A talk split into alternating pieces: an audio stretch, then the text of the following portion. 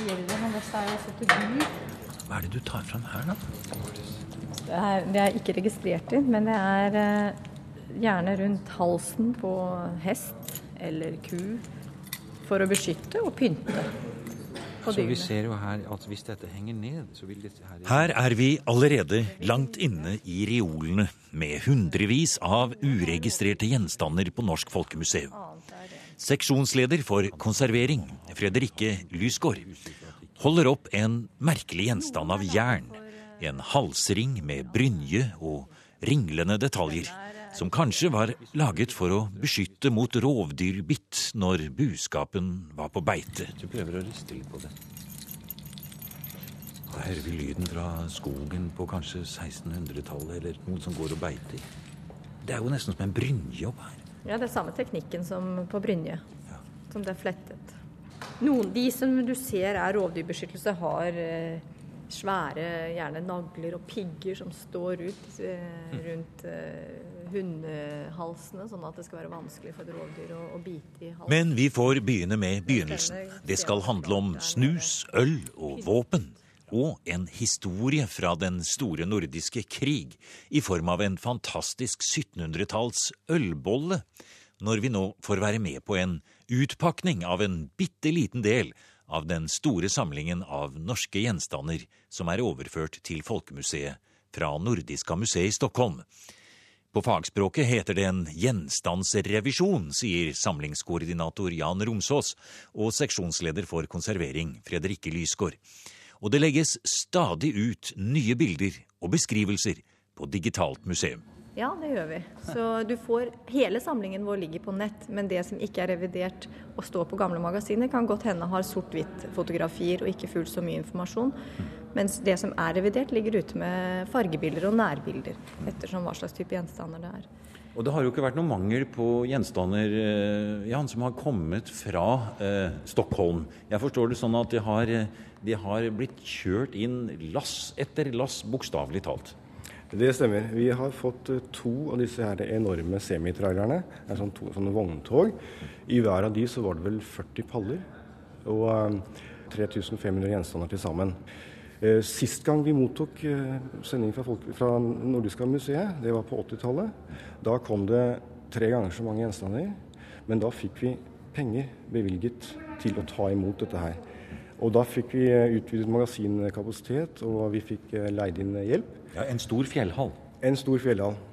som du ikke vil helt si hvor er. Ja, jeg vil ikke helt si hvor den er, men uh, Men den er i Oslo et sted. det er den. det er den, Ja. ja. Og der er det altså da temperatur, lagerforhold osv. Så, videre. så det er første stopp for tilbakeføringen fra Stockholm. At det går inn i fjellet der, og så kommer det hit. Ja, det er en eh, fjellhall som har stabilt klima. Og der står det inntil vi får kjørt det til eh, Folkemuseets lokaler her, hvor vi da innfører det. Eh, Vi fikk ikke noen penger denne gangen til å ta det imot, dessverre. Så nå må vi da bruke det vi har av ressurser på huset. Og jeg skal love at det, det er mange som, som nå jobber hardt for å få dette her inn. Og det som er litt morsomt, Fredrik, nå skal vi gå litt innover her, det er jo at publikum kan da komme og se på alt dette store arbeidet. Nå går vi forbi skranken din her, og vi skal inn og se på faktisk hva dere gjør. Og hva, hva er det som foregår her? Er det dette som er de gamle kortene? Det er de gamle arkivkortene, og her går kulturhistorikerne gjennom informasjonen og ser på den fysiske gjenstanden. Mye av eh, bakgrunnen for at vi ønsket å gjøre dette for publikum, det er jo at eh, det er jo sjelden vi ser hvor mye arbeid vi legger ned bak scenen på et museum. Og eh, det er jo svært få museer som kan stille ut en hel samling, så vi fant ut at dette kunne være en unik mulighet for å faktisk vise en stor antall gjenstander i en periode. Hva er, det, hva er det de sitter og holder på med der? De holder på med snusdåser. Snusdåser, ja. Og det er en del fra konserveringen som diskuterer om eh, teknikk. vi kan gå videre inn her. Vi kan- Hvilke materialer Ja, de bruker. ja. Eh, Det er jo ofte et eh, diskusjonsspørsmål. Eh, Det er gamle gjenstander, og man lurer på hvilke materialer som er brukt, hvilken måte er de blitt produsert på. Og da jobber vi jo sammen som et team. Hva er det dere diskuterer her nå? Det er håndverksteknikken på, på denne lykten her. Så En lykt, ja. ja.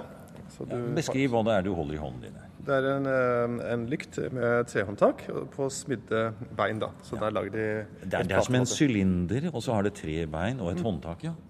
Og så har du da åpninger hvor du har, eh, får en effekt av lys. da.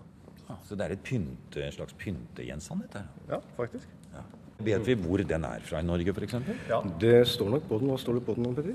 Hvis du slår det på dataen eh, Nå har, står vi foran en dataskjerm her. Ja, altså. der står den. Ja, der kan de greie å få den ut, ja. 2010-838. Fyrfat heter dette egentlig. ja. Skal vi se, Nå trykker du på noen faner her og går innover, og så kommer det opp et nytt skjermbilde. Heddal i Telemark. Heddal i Telemark, ja. ja så enkelt kan det gjøres. ja. Så der ser vi altså for oss at en oppkjøper fra Nordiska museet i Stockholm Kanskje var det den legendariske Arthur Haselius som kjøpte dette fyrfatet i Heddal i 1872.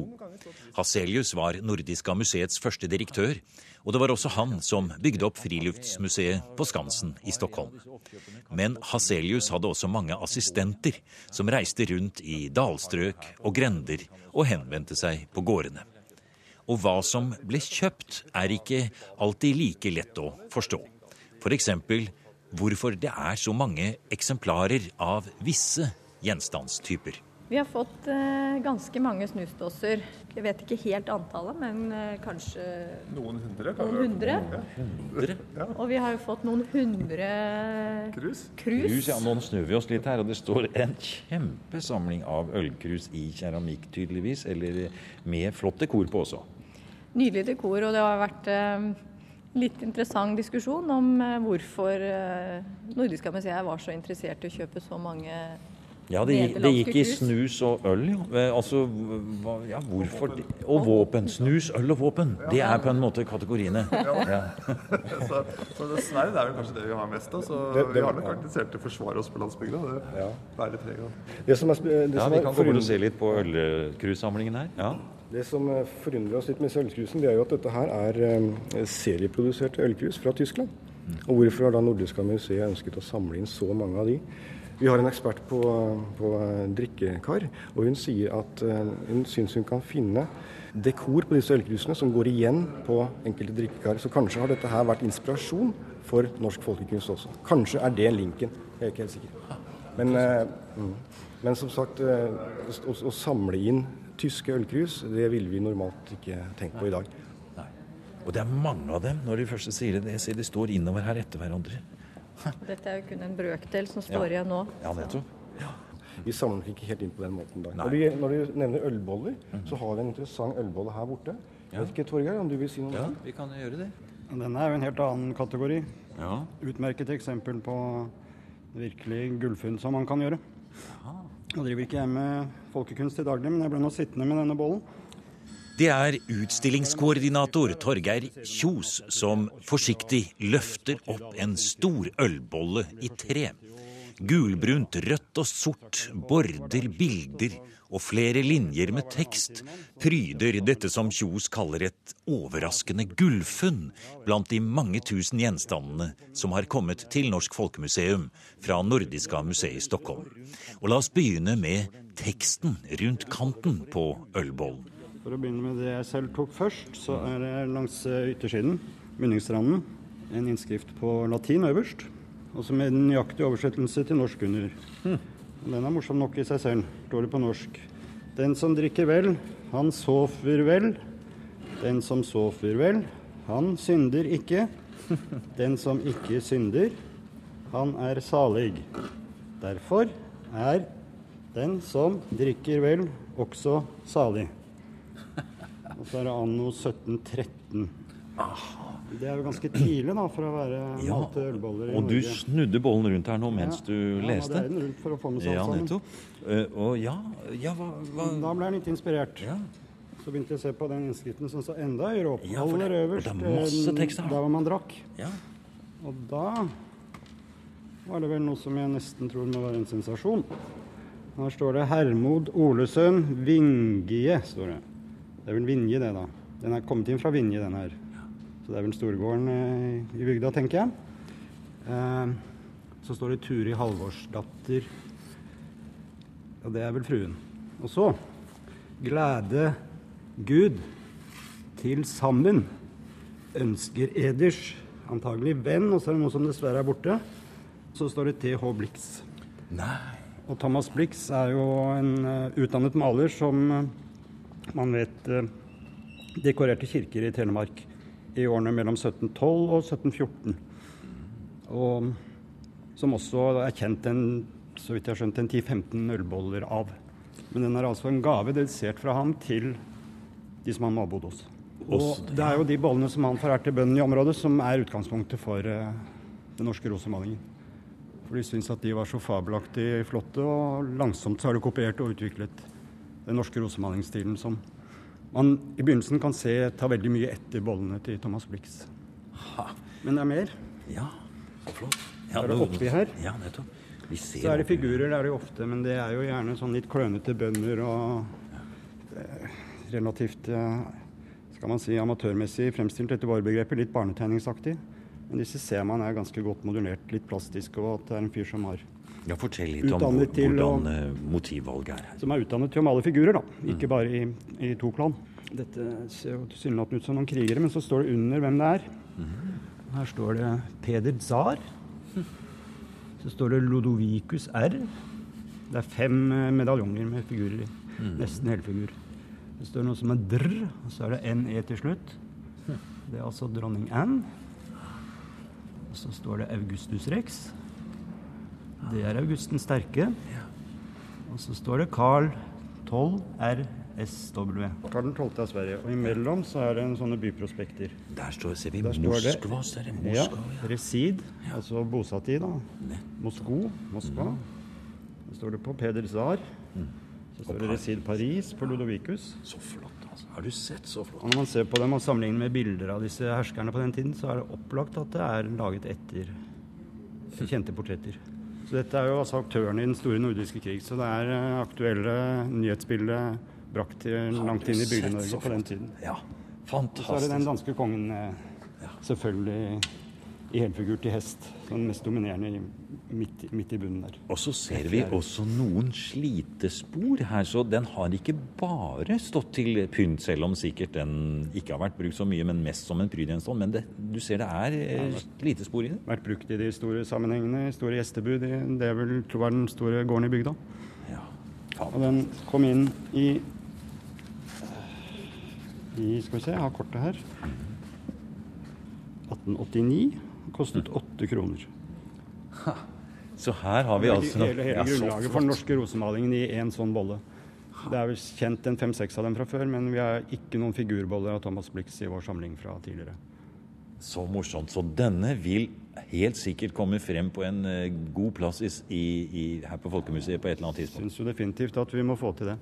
Norsk Folkemuseums første gjenstand, som nesten er litt fetisj for oss, gjenstand nummer én, det er også en ølbolle malt av Thomas Blix. Nei, altså. Nummer én i 1894. Men den har ikke figurer, den har mer eh, sånn geometrisk ornamentikk. Jeg kan nesten ta innskriften på innsiden av munningsranden også. For det er hyllest til kongen.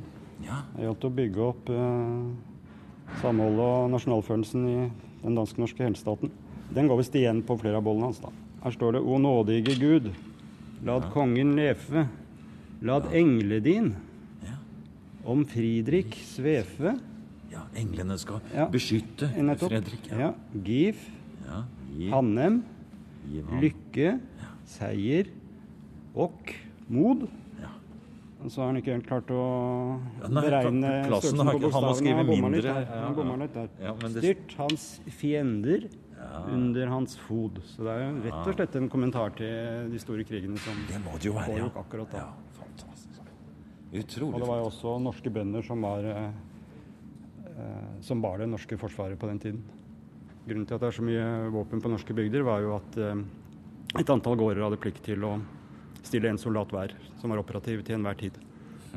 Og de ble utstyrt med våpen fra myndighetene. Hadde plikt til å holde de våpnene ved like og stridsdyktige. Det er jo utrolig morsomt å se denne bollen i en sånn sammenheng. altså For, for å holde moralen oppe, nær sagt. Slagordpregede, politisk ladede jeg på å si, budskap da, som står her. Og datidens store helter, altså de eneveldige kongene og de krigsherrene, de er portrettert i full glans her. Ja, det gir jo noen sammenhenger til hvordan statsstyrelsen og nasjonale politikken eh, foregikk, som går utover det rent ornamentale som man vel stort sett tenker på folkekunst i forbindelse med. Og så er det grunnlaget for all den senere rosemalingen er jo faktisk Thomas Blix sine boller. da. Så morsomt. Så det, det, var rett og slett et, eh, nær sagt et gullfunn i denne mengden av gjenstander som har strømmet innover dere? Ja, det er, eh, og det er jo det som er så spennende når vi åpner. Vi vet jo ikke hva vi finner. Vi får jo lister sendt over, men ikke noen nevneverdig beskrivelse. Så eh, det er veldig, veldig spennende å åpne opp. Og, mm, og når vi har Norsk våpenhistorisk selskap her som hjelper oss med våpensamlingen, så er det som å se Eh, barn på julekvelden. Det er utrolig mye skatter som kommer opp av disse eskene. Det er helt tydelig, sier Torgeir Kjos, at det må ha vært mange såkalte blankvåpen, stridsøkser og sverd av forskjellige typer, rundt på gårdene da de svenske oppkjøperne kom på besøk i siste halvdel av 1800-tallet. Det som er litt gjennomgående for dem, er at de er veldig gamle. Jeg vil tippe at det er en grunn til at man har vært interessert i å samle de nå. I og med at um, det var den slette norske innsatsen i Kalmarkrigen som eh, aktualiserte behovet for en egen norsk hærordning. Mm. Da var det om å gjøre å skaffe mye våpen på en gang for å komme raskt i orden med det.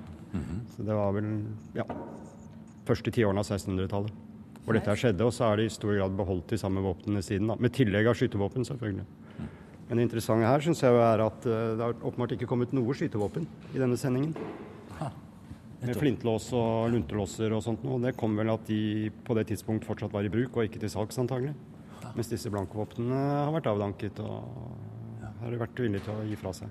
Så vi tipper det er en uh, blanding av større interesse for uh, nasjonal militærhistorie mm. enn nå, og at det var veldig gamle ting. Det er jo sånn, tilbake til 1500-tallet eh, her også. Er det det også? Ja? Mange av våpnene. Ja. Og Rent sånn si, amatørmessig så kan man legge merke til at det er forskjellige grader av utsmykning her, på skjefter osv. Noen er veldig enkle, andre har mange mer utsiringer og eh, håper å si mer eh, forseggjorte ting. Og så er det rust på et av dem, ser jeg også. Så jeg vet ikke, jeg Sier det noe om oppbevaringsforholdene i Stockholm? Eller? Ja, eller en eller annen eh, låve i Gudbrandsdalen. Ja, Den kan ha vært så gammel rust, ja. Ja, jeg vil nesten ikke gjerne tro det. Nettopp. Ja, Det er interessant, ja. Blant annet noe som heter skotske sverd, som er en egen, egen kategori, og som har med Kalmarkrigen og den skotske skottehæren som lot, ja. lot, våpen bli igjen etter seg. Og ja, ja, som lot det bli igjen i Gudbrandsdalen. Så man finner mye av det der. Og det har kommet to her som er tilbake til 1500-tallet. En veldig tidlig type. Så her ser vi våpnene til skottehæren her, altså? Ja, til en viss grad så gjør man nok det. Det er like før man spør etter luren til Prillar-Guri også? Ja, det er vel litt verre antagelig. Ja, som lurte dem, ja. Det er veldig interessant å gå rundt og se vi går rundt, og her ligger det altså hylle etter hylle etter hylle. Det er lett å forstå hvordan de mer enn 3500 gjenstandene som har kommet i denne siste forsendelsen fra Nordiska museet, vil beskjeftige forskere og konservatorer på Norsk Folkemuseum i lang tid framover. Og foreløpig er det bare toppen av isfjellet som er ferdig revidert og registrert. Det er bare å snu seg rundt og flytter blikket litt i de mange hyllene, så ser man bokstavelig talt rett inn i livet på den norske landsbygda på 1600- og 1700-tallet. Hva er det du har funnet her, da? Et brett ja, som du står ja. Det er så morsomt å se dere kommer og henter frem ting og, og tar frem de rareste ting her. Apropos runer, ja. så tror jeg vi anbefaler denne her. Et runebrett, nær sagt. Bokstol. Aha. Eh, med, Et trestykke får vi si at det er, da, med en mengde bokstaver ja. skåret inn og en støtte bak, slik at man kan legge en bok her. Eh, I sånn bondekultursammenheng så går jeg ut fra at den har vært brukt av bondehuset når han satt i høysetet og leste fra Bibelen eller Huspostilen eh, på søndager. Og her er det bare runer. Mm. Nesten hele veien. Altså, der står det 1785. Ja, ja. det er jo veldig morsomt. Ja, at man brukte runer i litt sånn type seremoniell eller ekstra fin eh, sammenheng som utsmykking. Mm, antagelig. Mest som ornamentikk, ja. Som ornamentikk? For de som kan tyde det, de etterreformatoriske runeinnskriftene eller etter middelalderen, de er ikke skrevet på norrønt. Nettopp. Og her så ser vi Så når man tyder tegn for tegn, så er det det dansk-norske språket som de gjengir. En... Og her på baksiden, du har nemlig snudd denne flotte gjenstanden nå, så ser vi det står her Knut Vebjørn. Ja, Vebjørnsen, Vetterhus, er ja. født eh, 1734 den 7. mai. Mm. Og så er det Inge Kittelsen Wetterhus er født den 18. februar i 1734. Det er en slags Ja, det er nok det. Det er nok det sånn alle av det man skrev inn Og vi ser det er plasser til flere her også. Ja, Ja. Så man kan føre inn nye. Ja, så er det noe mer runer, og så står det 22. Markius er denne bokestolen gjort Vi river oss løs fra selve gjenstandene og de mange spennende historiene de kan fortelle, og møter direktør Olav Årås på Norsk Folkemuseum. Tilbakeføringen av den norske samlingen fra Nordiska museet har i årenes løp hatt mange politiske og kanskje også nasjonalistiske overtoner. Allerede før krigen startet diskusjonen om tilbakeføring, og under annen verdenskrig arbeidet noen av de norske flyktningene i Stockholm med å registrere den norske samlingen. Noen snakket om et svensk ran av norske bondeantikviteter, som den norske nasjonen måtte få tilbake. Det var vel enkelte som, eh, som tolket det på den måten, og det er jo en tolkning som vi i dag er, så, så står veldig fjernt fra oss. Altså, disse gjenstandene de blir jo kjøpt opp eh, på en ordentlig måte eh, av eh, Arthur Aselius og hans folk.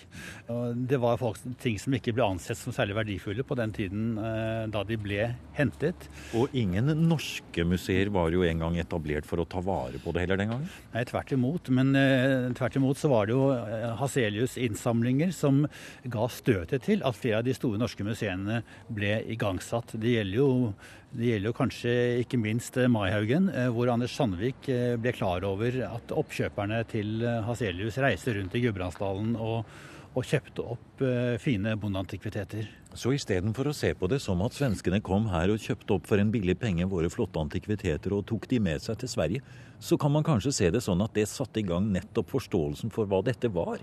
Det var kanskje en positiv ting? Ja, det var det, og det er en positiv ting eh, fremdeles i dag. Da Haselius gjorde dette, så var jo det fordi han var en overbevist skandinavist. Eh, og han lagde sine skandinaviske eh, samlinger som, eh, som skulle vise gjenstandsmaterialer fra hele Norden, fordi han så det som en helhet, og det var viktig å bevare.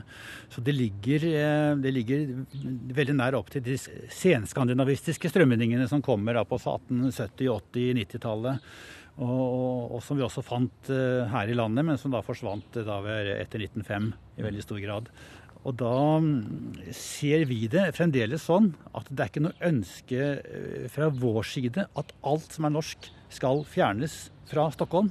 Tvert imot. Vi mener at det som nå fremdeles heter Nordiska museet, skal være Nordiska museet, og at det er en verdi for oss i Norge at de har en del av det materialet tilbake. Og det skal de også ha, selv om det ikke er så mange gjenstandene. Og, og, og Slektskapet mellom disse museene er veldig nært, og slektskapet mellom vår materielle kultur og sosiale kultur er jo også veldig sterkt i Norden.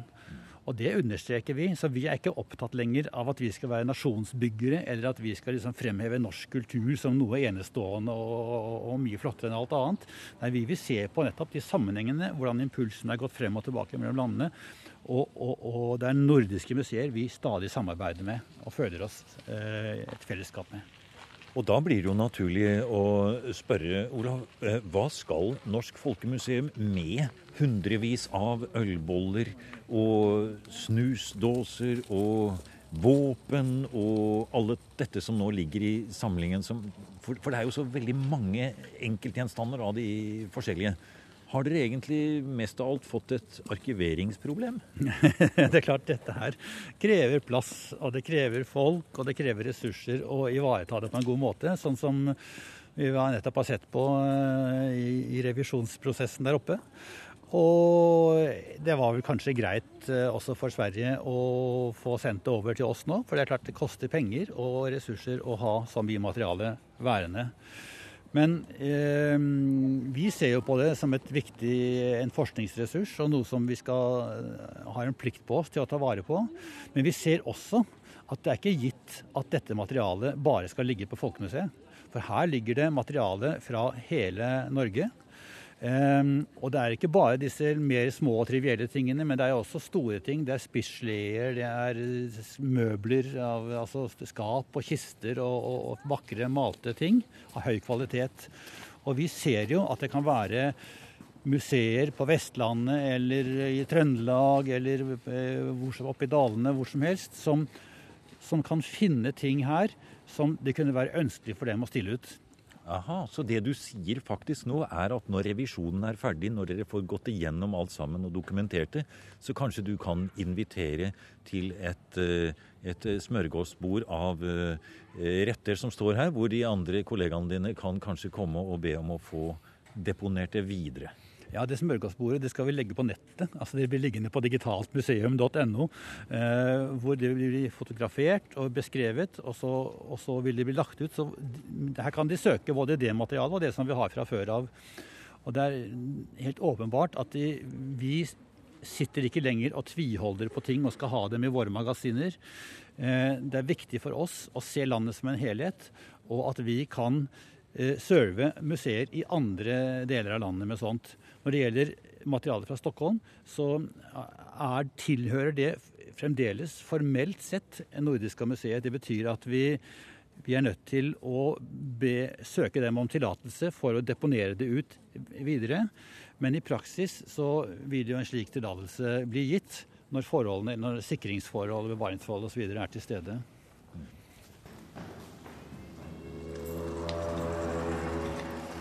Du har nå hørt programmet Museum som podkast fra NRK. Museum sendes i NRK P2 på lørdager og søndager. Du finner flere programmer på nrk.no podkast.